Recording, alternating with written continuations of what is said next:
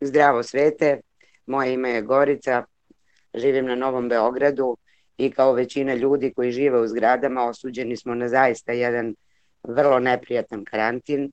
Nemamo dvorište, imamo neke balkončiće koji nisu baš nešto naročito ovaj, veliki. Svi smo bili u početku jako uplašeni, sledili smo stalno uputstva ovog kriznog štaba, čekali njihove te konferencije za štampu u tri sata. Međutim, kako je vreme odmicalo, to naše interesovanje je počelo da biva do te mere obsesivno da sam ja jednostavno nasilno prekinula tu priču i počela da radim neke sasvim druge stvari.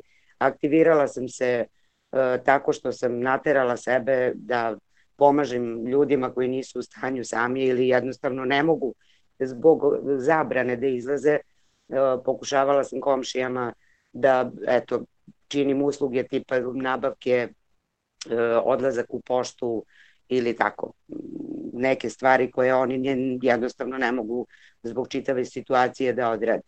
Kako se vreme, kako je vreme odmicalo, ovaj cela priča je zaista bivala sve napornija i napornija.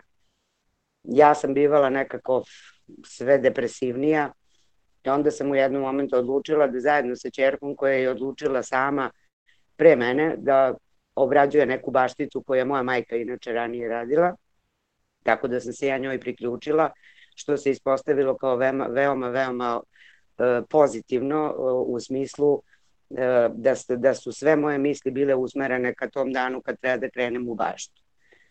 Dani koji su bili produženi u smislu zabrane kretanja su bili jedan užasan očaj, jedna tišina apokaliptična u ulici, ljudi koji se prosto, ne znam, imam utisak da su ljudi zatvarali prozore bojeći se da im korona ne uđe kroz prozor. Do te mere to nekako bivalo strašno dok nisu počeli aplauzi, pa za posle aplauza je krenula ova lupnjava šerpama, tako da je to, to su neka dešavanja koje su nas sve ovde za, zaista okupirala u smislu da smo se rado priključili čitavoj akciji i jednoj i drugoj u mojim godinama, a eto ove godine ću puniti 60, nisam baš nešto naročito aktivna bila u smislu nekih teških izlazaka, ali sam opet vodila neki socijalni život koji je bio aktivan u smislu druženja, odlazaka na poslu. To je sve odjednom jednostavno stalo.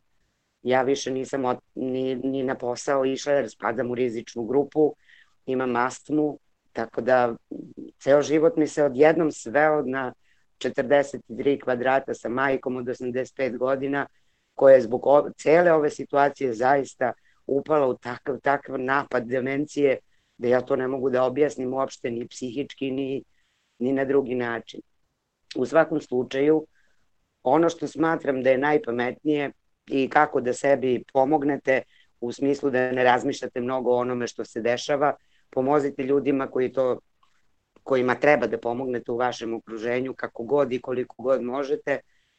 Izađite napolje kad god to možete, sunce je lek u svakom slučaju, budite eto koliko god možete vedre.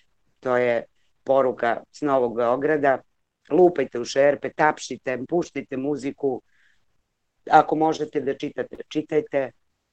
Ja lično ne mogu jer ne mogu da se skoncentrišem, zato gledam filmove, gledam stare serije, ceo život se otprilike svodi na jednu takvu priču, odnosno ceo život sadašnji u karantinu. To je sve od mene, pozdrav svima, sve najbolje, preživećemo i ovo, jer smo mnogo gore stvari već preživeli.